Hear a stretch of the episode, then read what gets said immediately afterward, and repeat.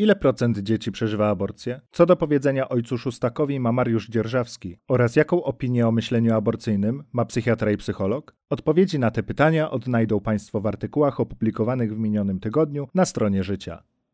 Do odwiedzenia serwisu życia.pl zaprasza Fundacja Pro Prawo do Życia. Strona Życia. Stań po stronie Życia.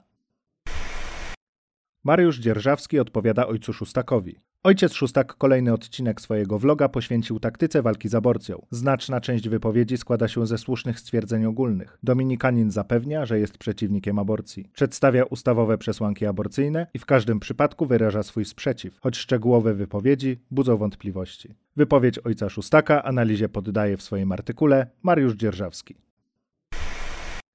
10% dzieci przeżywa aborcję w 23 tygodniu ciąży.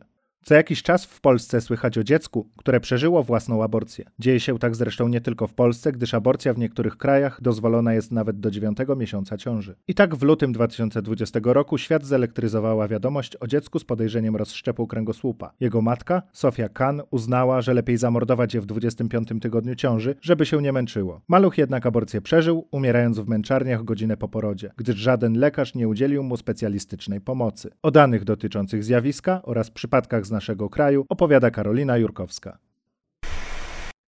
O myśleniu aborcyjnym.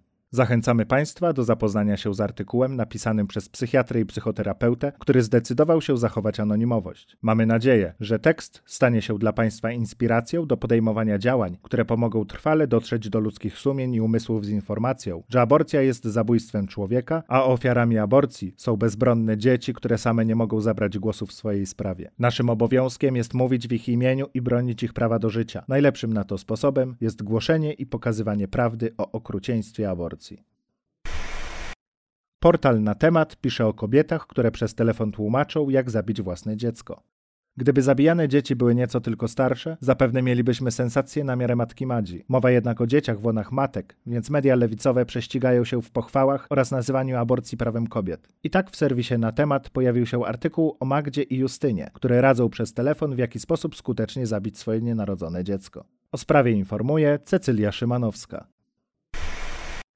Aborter z Nebraski. Zakaz rozrywania dzieci na strzępy to zakaz bardzo bezpiecznej metody aborcji. Stan Nebraska proceduje projekt ustawy Legislative Bill 814, który zakazałby aborcji dzieci poprzez rozczłonkowywanie, wykonywanej zazwyczaj pomiędzy 13 a 24 tygodniem ciąży. Procedura zwana dla niepoznaki D&A polega na rozszerzeniu szyjki macicy, a następnie wyrwaniu szczypcami kończyn dziecka jedna po drugiej. Dziecko w trakcie tej procedury żyje, aż wykrwawi się na śmierć. Warto podkreślić, że naukowcy wykazali, że dzieci już w 13 tygodniu od poczęcia mogą odczuwać fizyczny ból.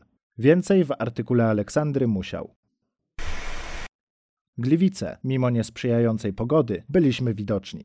W dniu 19 lutego bieżącego roku na placu przed dworcem PKP w Gliwicach miała miejsce pikieta Fundacji Pro Prawo do Życia przeciwko zabijaniu niewinnych nienarodzonych dzieci. Na relację z wydarzenia zaprasza Tomasz Jazłowski. Kraków. Aborcja to zabójstwo na zlecenie. Stara i jakże trafna maksyma mówi ora et labora, czyli módl się i pracuj. Tak właśnie czyniliśmy w ostatni piątek przed wejściem do szpitala Rydygiera w Krakowie, prosząc Boga o powstrzymanie aborcji oraz pokazując jej efekty. O wydarzeniu opowiada w swojej relacji Katarzyna Uroda. Babcia do wnuczka. Nigdy nie wolno zabijać dzieci czwartkowe popołudnie Plac Wszystkich Świętych w Krakowie był świadkiem wielu rozmów, jakie odbyliśmy z osobami przechodzącymi obok naszej antyaborcyjnej pikiety. Do baneru podeszła starsza kobieta z wnukiem. Podziękowała nam za to, co robimy, jednocześnie mówiąc, że nie może uwierzyć w to, że aborcje w ogóle są wykonywane. Do swojego wnuczka powiedziała, że nie wolno nigdy zabijać dzieci. To przesłanie z pewnością pozostanie w chłopcu, którego mądra babcia w prosty i stanowczy sposób stanęła w obronie życia dzieci nienarodzonych. Na relację z wydarzenia zaprasza Anna Trutowska. Zachęcamy do zapoznania się z pierwszym odcinkiem serii wideo Cała Prawda o Aborcji, w której Anna Szczerbata opowiada o tematach poruszanych w antyaborcyjnej bazie wiedzy znajdującej się na naszej stronie. Materiał premierowy poświęcony jest tematowi, czy dzieci cierpią w czasie aborcji. Do odwiedzenia serwisu Strona Życia zaprasza Fundacja Pro Prawo do Życia. Strona Życia. Stań po stronie życia.